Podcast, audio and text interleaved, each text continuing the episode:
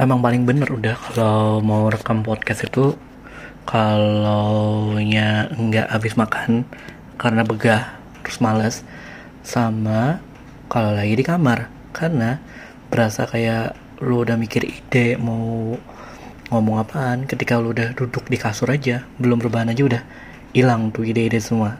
Oke selamat datang kembali di Ali Story. Uh, gimana? Udah berapa lama WFA kalau gue sih ini udah dua minggu ya jalan udah dua mingguan jalannya. Terus sekarang dapat kebijakan kalau di tempat gue sih WFA nya diperpanjang lagi sampai tanggal 21 sesuai arahannya dari Menpan RP juga sih. Katanya sih biar uh, lebih memperpanjang waktu karantina ya karena sekarang kondisi bumi kita terutama di Indonesia sekarang lagi nggak sehat banget ya karena emang sekarang lagi wabah virus corona. Jadi memang digencarkan untuk social distancing atau physical distancing sih.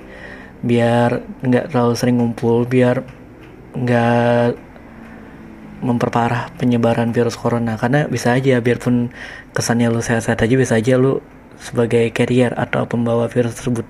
Kan ibaratnya sama aja kayak lu bawa virus lu nya sehat-sehat aja tapi siapa tahu virus yang lu bawa dari tubuh lu sendiri kan juga berpengaruh ke orang lain gitu loh. Apalagi katanya virus corona ini juga pengaruhnya ke orang tua sih yang lebih rentan. Makanya wacananya sekarang juga kan pada nggak boleh mudik nih untuk tahun ini. Padahal kan bentar lagi udah mau bulan puasa udah mau lebaran juga udah mau libur panjang gitu kan.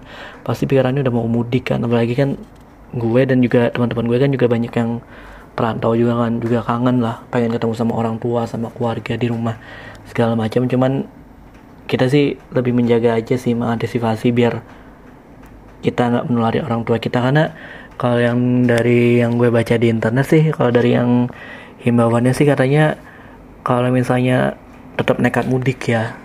Apalagi orang-orang nih ya pasti ada punya perasaan egois tersendiri lah katanya sih bisa rentan sampai 700 ribu orang kalau sampai hal ini terjadi gitu loh. Makanya untuk mengantisipasi biar nggak semakin parah jadinya nggak usah mudik dulu lah.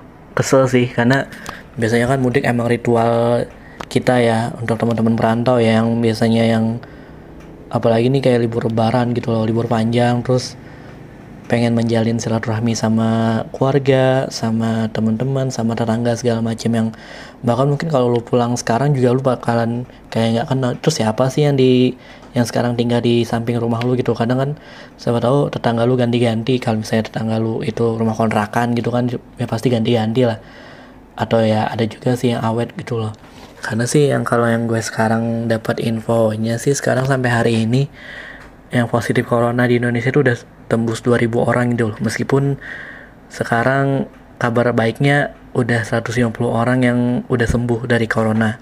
Cuman itu masih belum bisa dia jadikan acuan kalau virus ini segera berakhir ya. Kita berharapnya sih semoga doa dari teman-teman sekalian untuk kita semua biar corona juga segera berakhir biar semua bisa berkumpul sama teman-teman. Karena impactnya sih sekarang kalau gue lihat sendiri ya yang paling kena impactnya sih usaha-usaha kecil kayak yang jual makanan atau yang nggak cuma makanan sih bahkan kayak kafe-kafe yang biasanya tempat nongkrong gitu kan emang beneran sepi banget sekarang. Karena emang semuanya kan emang arahannya kan emang nggak boleh ke mana-mana. Dengan suruhan di rumah aja kan ya otomatis kan kayak biasanya kalau lu kan kadang biasanya kalau yang beli makan sering beli gitu kan ya sekarang disuruhnya buat masak aja gitu loh di rumah. Tapi kalau teman-teman yang memang nggak punya kompor kan ya otomatis memang pasti sering beli juga kan. Cuman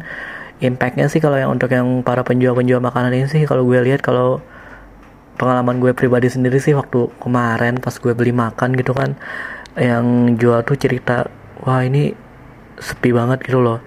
Kayak nggak memang nggak biasa sih. Cuman ya mau dikata apa lagi gitu kan memang makanya dari yang usaha kecil-kecil gitu aja kan udah berasa banget impactnya apalagi untuk yang secara dari pendapatan negara atau segala macam hal-hal lain itu kan juga pengaruh banget. Makanya sekarang kan juga sebagian besar pendapatan pendapatan negara kan juga sekarang dialihkan untuk uh, apa ya upaya pencegahan dan pengobatan untuk korban-korban virus corona ini kan ya semoga sih harapannya juga benar-benar semua berakhir semua bisa berkumpul bercengkrama seperti sedia kala. Karena jujur ya ini kan karena corona gini kan makanya kan sekarang kan kalau di tempat gue kan ya uh, kebijakan WFH kan. Cuman gue sendiri kan karena emang pas waktu WFH juga memutuskan untuk nggak balik ke rumah ya. Jadi gue memang tetap dikontrakan memang agak agak-agak bosan juga sih karena ya apa ya karena kalau gue pribadi sendiri sih gue udah men-setting kalau misalnya kamar kontrakan gue itu adalah tempat untuk beristirahat untuk menghindari semua hal-hal yang berkaitan dengan kerjaan gitu loh. Jadi yang bener-bener kayak nggak ada kesan apa ya kesan vibesnya buat kerja gitu loh di kamar. Karena jujur sih kalau gue sendiri ngeliat kasur aja tuh rasanya udah enak banget. Kayak yang apa pokoknya yang berasa nikmat banget. Pokoknya pokoknya kalau udah nemu kasur pengennya rebahan aja. Terus apalagi dengan segala kalau di kontrakan gue sih ya satu kamar tuh udah fasilitasnya juga udah ada kasur ada laptop ada kamar mandi dalam kan juga ya udah interaksinya cuma di kamar situ aja gitu loh. Kehidupan gue kalau udah pulang ke kontrakan ya berakhir di kontrakan itu aja. Maksudnya ya paling sebenarnya memang kalau gue pribadi sih memang juga nggak bisa bener-bener di rumah aja gitu loh. Untuk beli makan kan atau beli kebutuhan pokok lainnya kan memang ya memang harus keluar rumah. Meskipun dengan waktu yang nggak sebanyak kayak dulu sih. Kalau dulu kan misalnya kita keluar rumah aja bisa makan waktu ya minimal sejam lah. Keluar rumah tuh ngapain sih? Bahkan untuk hal-hal yang nggak penting pun kita juga keluar rumah. Kalau sekarang kan kita memang kalau keluar rumah juga untuk hal-hal yang benar-benar penting gitu kan. Tapi bahkan kalau gue sendiri pun juga harusnya bersyukur gitu kan. Karena gue masih bisa kerja dari rumah gue masih bisa dapat penghasilan bahkan dengan hanya diam di rumah aja. Nggak diam diam ban banget sih cuman ya diam di rumah dan melakukan pekerjaan. Kayak ibaratnya mindahin kerjaan dulu yang biasanya lu kerjakan di kantor lu pindahin ke rumah. Ya gitu maksudnya lu bersyukur banget loh.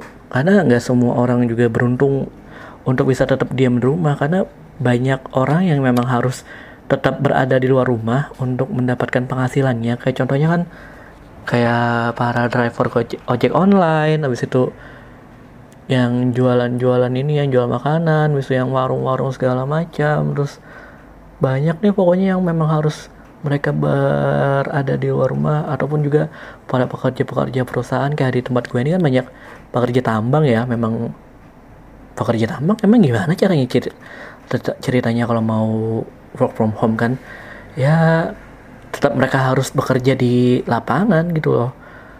Uh, jadwalnya juga rutin. Kalau di tempat gue sini sih di tempat gue tinggal sih ya pekerja tambangnya ya rutin. Misalnya jam 6 subuh jam 6 sore gitu loh. Maksudnya ya sip-sipan. Mereka juga kerja di lapangan gitu loh. Hmm, cukup keluarga mereka aja mungkin kalau yang mereka yang punya keluarga gini kan yang memang harus tetap diam di rumah gitu loh. Mereka juga nggak punya pilihan lain gitu loh kalau selain bekerja. Karena mereka tetap harus bekerja untuk mendapatkan penghasilan. Kalau enggak kan mereka mau dapat penghasilan dari mana lagi? Terus habis itu kayak kalau pengalaman gue sih work from home kalau menurut gue sih efektif nggak efektif ya. Kalau menurut kalau teman-teman yang biasanya memang punya sifat introvert tuh enak banget kayaknya kalau diem di rumah aja. Nggak ngapa-ngapain nggak ngapa-ngapain gimana ya maksudnya ngapa-ngapain cuman di rumah aja nggak terlalu banyak ketemu sama orang. Cuman kalau untuk gue pribadi yang memang kadang gue emang perlu waktunya benar-benar sendiri tanpa interaksi. Tapi gue juga perlu berinteraksi dengan orang lain karena bosen juga kalau nggak ngomong sama orang lain. Bahkan even sekarang kayak meeting atau kayak ngobrol bisa digantikan dengan media handphone atau video call. Sekarang kan lagi rame kan pakai aplikasi ya, video call yang rutin meeting bareng gitu kan. Cuman tetap berasa kurang aja karena nggak ketemu sama personal di hadapan kita. Kan biasanya kan kalau kita kan biasanya kan kalau ngomong sama orang kan pasti natap orang gitu loh kondisinya kalau apalagi biasanya untuk yang gue memang biasanya kemarin-kemarin kan memang menghabiskan waktu lebih banyak di kantor kan ketemu sama orang personal ngeliat orang itu aja ngobrol meskipun nggak banyak ya tetap berasa hidup gitu loh. Karena ketemu sama orang kita tahu kondisinya benar-benar baik-baik aja gitu loh. Bahkan meskipun nggak baik-baik aja kan kita tetap melihat dan kita bisa tetap ngerasain apa yang orang lain rasain. Kan jadi kan ya emang benar-benar berpengaruh banyak sih dalam aspek kehidupan gitu loh. Apalagi kayaknya kalau ini makin parah kayaknya nggak cuman wabah corona yang bikin orang sakit. Kayaknya emang orang-orang yang biasanya hobi berkumpul dengan orang banyak nih mentalnya bakalan sedikit terganggu ya. Karena benar-benar kayak terkekang gitu loh kalau ingin berinteraksi dengan orang lain. Terus itu kalau gue juga kan pengalaman pribadi gue juga kan kerjaan gue ini kebanyakan memang ngerjain berkas gitu kan. Maksudnya yang ngecek-ngecek berkas gitu kan.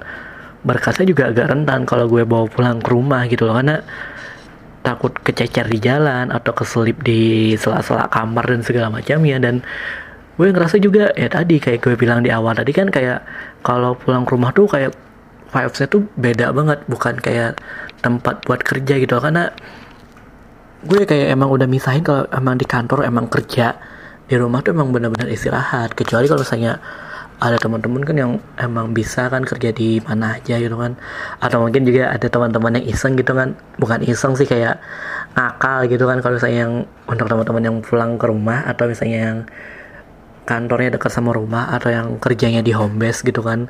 Sebutannya sih gitu kalau yang untuk teman-teman yang kerjanya di tempat asal gitu kan kantornya yang satu kota dengan rumahnya gitu kan bawa kerjaan ke rumah tuh bisa jadi alasan buat kayak nggak ngelakuin pekerjaan rumah gitu kan kayak wah lagi sibuk kerja nih kerjanya diganti di rumah. Kayak jadinya nggak perlu bantuin ini kayak emang jahat banget sih jadinya kayak berasa kayak anak durhaka banget kayaknya kayak harusnya kan kalau lu di rumah kan kayak emang waktunya pas banget itu loh untuk lebih berbakti sama orang tua kan bisa bantuin kerjaan rumah kayak ngepel nyapu nyuci masak segala macam tuh. Dan kalau misalnya lagi work from ini kan banyak aja alasan dijadiin kayak aduh lagi kerja nih nggak bisa bantuin segala macam. Padahal kan ya sama aja sih kayak kerjaan tuh nggak selalu full 8 jam nonstop ya pasti ada ada waktu-waktu jeda kayak kita di kantor kan kalau siang kan ya pasti istirahat lah ya. Justru kalau kayak di rumah juga nggak semua kerjaan itu bakalan selesai dalam satu hari kecuali emang kerjaan lu emang numpuk gitu kan kayak emang benar-benar nggak bisa diselesaikan dalam satu hari harus selesai. Misalnya itu deadline dan kemudian kerjaannya numpuk dan emang harus diselesaikan dalam waktu yang sesingkat-singkatnya gitu loh ya. Mungkin sih kalau itu bisa harusnya sih lu bisa ngasih pengertian ke orang tua atau keluarga lu gitu kan. Kalau yang misalnya lu lagi di rumah sama keluarga gitu kan jadi mereka bisa ngertiin kalau lu juga kerja gitu kan. Cuman kadang-kadang itu tuh juga di, dijadiin kesempatan buat ngelakuin pekerjaan rumah di saat lu bisa lebih berbakti gitu kan sama orang tua ya itu sih. Tadi makanya kalau gue pribadi sih emang beneran kalau di kantor lu bener-bener suasana kerja yang sangat mendukung gitu loh.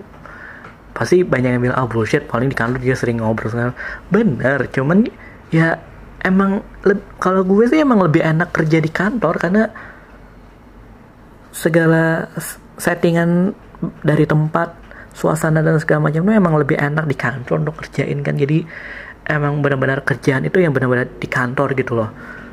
Bahkan kalau dulu kan emang biasanya kan prinsip kan kalau kita di kantor ya kerja kalau pulang ya istirahat. Kalau sekarang kan karena kondisinya memang berbeda kan kita menjadikan rumah kita sebagai tempat untuk kita bekerja. Cuman tetap aja gue nggak dapat feelnya itu loh untuk kerja di rumah. Kecuali kalau emang katanya sih kalau pengen lebih menikmati kerja dari rumah sih harus menciptakan suasana tersendiri juga sih. Cuman tetap aja kalau gue tuh emang satu kendala terbesar kalau ingin kerja di rumah adalah nggak bisa lihat kasur. Soalnya kalau bawaannya dari ngeliat kasur pengen rebahan aja guling-guling terus tidur gitu kan.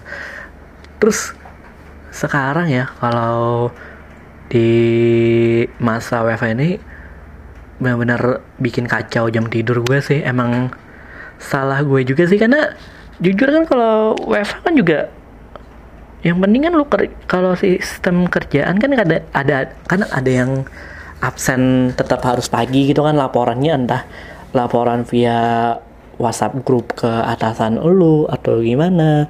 Kalau gue sih ya apa lo yang kerjain hari itu kan memang harus dilaporin di sistem kan kayak dicatat di satu catatan gitu kan apa yang lu kerjain sama sehari itu kan. Pokoknya yang memang lu kerjain dari jam kerja yang reguler gitu kan maksudnya lu kerja dari pagi sampai sore kan emang itu yang waktu buat lu kerja apa yang lu kerjain gitu kan yang lu laporin. Cuman kan kalau ya kerja dari rumah kan ya lu bisa ngatur sebebas-bebasnya lu mau kerja jam berapa mau yang lu kerjain berapa. Makanya kan hal yang kayak gitu emang bikin uh, lalai sih. Jujur gue aku juga emang agak lalai sebenarnya untuk hal-hal kayak apalagi kayak jam tidur ya. Pengalaman gue sih sekarang untuk yang jam tidur ya sekarang agak-agak kacau ngaco banget. Kayak sekarang gue tidur itu beneran abis subuh jam 6 atau jam 7 pagi baru tidur tuh. Bukan yang biasanya kalau kita di rumah kan biasanya emang jam tidur harus atur ya, ya di jam 10 tuh udah mentok banget buat tidur kan. Kok sekarang tuh jam 7 pagi gue tidur loh. Ini kan kondisinya karena emang gue lagi ngerantau kan ngekos ngontrak sendiri gitu kan. Ya emang hidup ngatur suka-suka gue gitu kan. Cuman pengaruhnya emang luar biasa banget. Gue tidur pagi bangun siang terus aktif di malam hari padahal juga nggak produktif banget. Padahal harusnya kita kan kerja memang produktifnya dari pagi sampai sore. Dengan ngubah jam kerja itu kan otomatis kehidupan juga agak kacau kan. Terus bikin kacau jam makan juga. Kayak sekarang gue juga jam makan tuh benar-benar berubah. Karena kalau lagi kerja kan emang rutin ya. Makan pagi makan siang makan malam. Kalau sekarang tuh makan pagi dipindah ke makan siang mepet ke sore malah terus habis itu makannya tengah malam gantinya makan malam. Makanya jadi kayak ritme kehidupan sama pola makan juga agak-agak terganggu. Bahkan ya jadi makan dua kali sehari doang bisa tidur benar-benar kacau segala macamnya ya. Gue sih menyesali hal itu sih cuman sekarang sih gue berusaha untuk memperbaiki itu. Cuman ya karena udah terbiasa lebih dari tiga hari kan kan kata orang kalau untuk memperbaiki kebiasaan kan dimulai dimulai dengan tiga hari pertama ya terus lanjut ke 21 hari berikutnya. Nah kalau udah tiga hari pertama lu udah pola hidup lu udah kayak gitu otomatis kan udah terbiasa dan mengembalikannya itu lo juga perlu tiga hari. Tapi ya memang agak sulit sih kalau gue pribadi sih cuman ya kayaknya sih emang beneran emang harus diubah sebelum entar ini nanti juga sebelum kondisinya kembali normal gitu kan. Semoga lebih cepat normalnya. Jadi gue bisa mengatur ulang kehidupan gue kayak beneran mengatur pola tidur yang beneran malam ke pagi bukan pagi ke siang. Terus ngatur jam pola makannya biar lebih teratur biar lebih sehat gitu kan. Ya berharap semoga yang semua hal ini tuh cepat berlalu dan apalagi ini memang pengen memang mendekati bulan puasa gitu kan. Kayak sekarang sih emang agak beda sih vibesnya. Kalau dulu kan kita mikir-mikir kalau udah mau bulan puasa tuh kita udah menantikan kayak kalau kita ngeliat kayak segampangnya ada iklan sirup di TV aja tuh udah wah ini bentar lagi udah puasa gitu kan udah mikir bentar lagi bulan puasa habis itu sebulan puasa eh libur lebaran mudik ketemu sama keluarga sama orang tua sama teman-teman juga kan atau sama tetangga dan segala macamnya. Pokoknya hal-hal yang kayak gitu yang kita rindukan saat ini.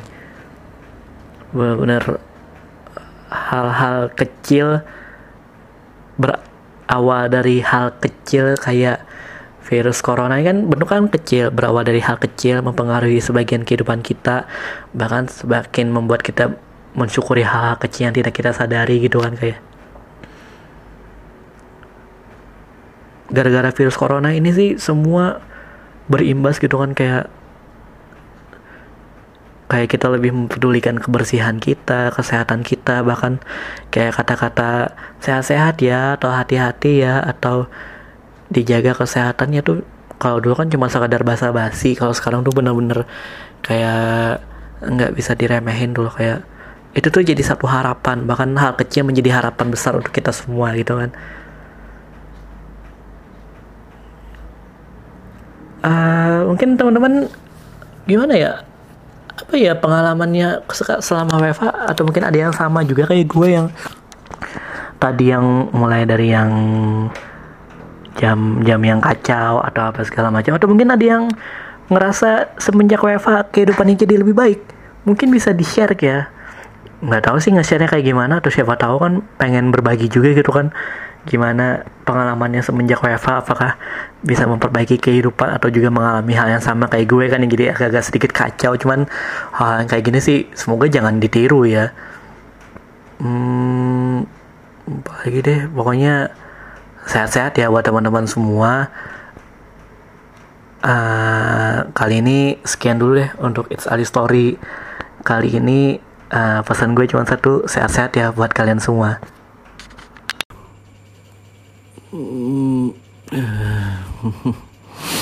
Ah, mungkin kalau teman-teman denger kenapa ya suaranya jadi agak gimana banget? Ini adalah salah satu segmen baru ya. Segmen baru kayak udah yang laris banget. Cuman pengen bikin sesuatu yang agak beda aja sih. Uh, selamat datang di segmen podcast bangun tidur. Kenapa? Karena untuk yang kali ini gue bakalan ngomong sesuatu tentang apa yang kepikiran ketika teman-teman bangun tidur ya. Ini kondisinya sekarang ke gue ya. Ini jam berapa? Bentar. Gue cek dulu. 149 jam 149 soalnya tadi kebetulan banget gue udah tidur jam 9 malam karena ngantuk banget tumben-tumbenan gue bisa tidur di bawah jam 12 tapi kalau misalnya gue tidur di bawah jam 12 kondisinya pasti kebangun jam segini. Tadi sebenarnya gue udah kebangun jam 12 sih. Cuman karena satu hal dan yang lainnya jadi sambil mikir juga sih tadi selama dari bangun tadi apa ya ngapain ini paling sih kayak biasa. Kan kalau kondisinya sekarang kan kayak jam satu nunggu jam satu itu nunggu ngisi uh, daftar kesehatan gitu kan. Pokoknya adalah pokoknya kayak gitu buat memastikan kondisi kita udah benar-benar sehat gitu kan. Terus habis itu sembari tadi sih kalau gue yang gue lakukan tadi adalah sambil nonton YouTube terus mikir ngapain nih segini ya? Sempat kepikiran lapar karena biasanya kalau gue sih jam segini masih kepikirannya lapar karena untungnya jam segini masih ada yang jualan sih meskipun ya yang jualan cuman ya nasi ayam lalapan gitu aja sih. Tapi sekarang kondisinya memang udah lagi malas banget dan agak uh, dengan adanya masih mager dan ngantuk banget. Cuman gue tau kepikiran banget ngapain kecuali mungkin ya ini bakalan episode kali ini mungkin bakalan berakhir kalau misalnya gue ketiduran. Atau gue memutuskan untuk hal melakukan hal lain. Ini ini benar-benar rekaman sambil di atas kasur banget ya. Sambil rebahan kayak gitu doang biar lebih berasa kalau kayak misalnya mungkin kalau teman-teman ngerasainnya kalau habis bangun tidur pertama kali ngapain sih? Kayak mikir apa gitu kan kayak yang mungkin kalau teman-teman yang punya jam tidur normal sih yang bisa bangun pagi kan tuh rasanya enak banget sih.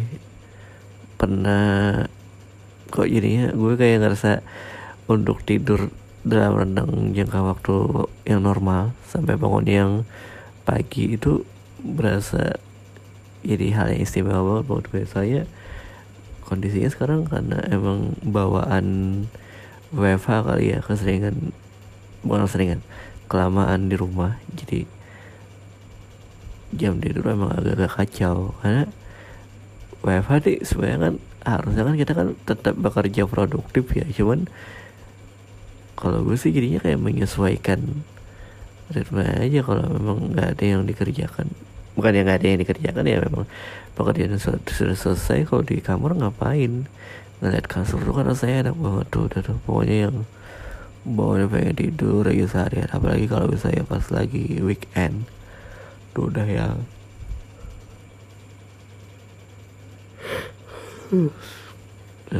Nah, kalau misalnya yang bawaan weekend tuh kan pasti pengennya tidur aja seharian. Tapi kalau gue kok kelamaan tidur kelamaan rebahan doang juga pusing. Jadi kan perlu keluar rumah juga tuh untuk menghirup udara seger meskipun sekarang kondisinya emang beda sih. Memang harus yang ke mana juga pakai masker. Jadi memang agak terbatas juga buat dapat angin segernya kan. Tapi seenggaknya ya biar nggak pusing-pusing banget kalau dalam kondisi kamar. Karena pastinya kan kalau kita cuma di kamar kan udara tuh kan nggak tersirkulasi dengan baik kan. Jadi kondisinya memang sedikit perlu udara segar keluar.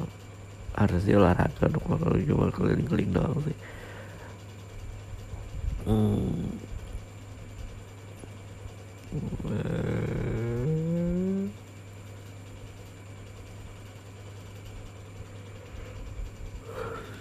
Uh, mungkin sekian dulu deh untuk yang segmen pertama yang baru dari gue itu podcast bangun tidur.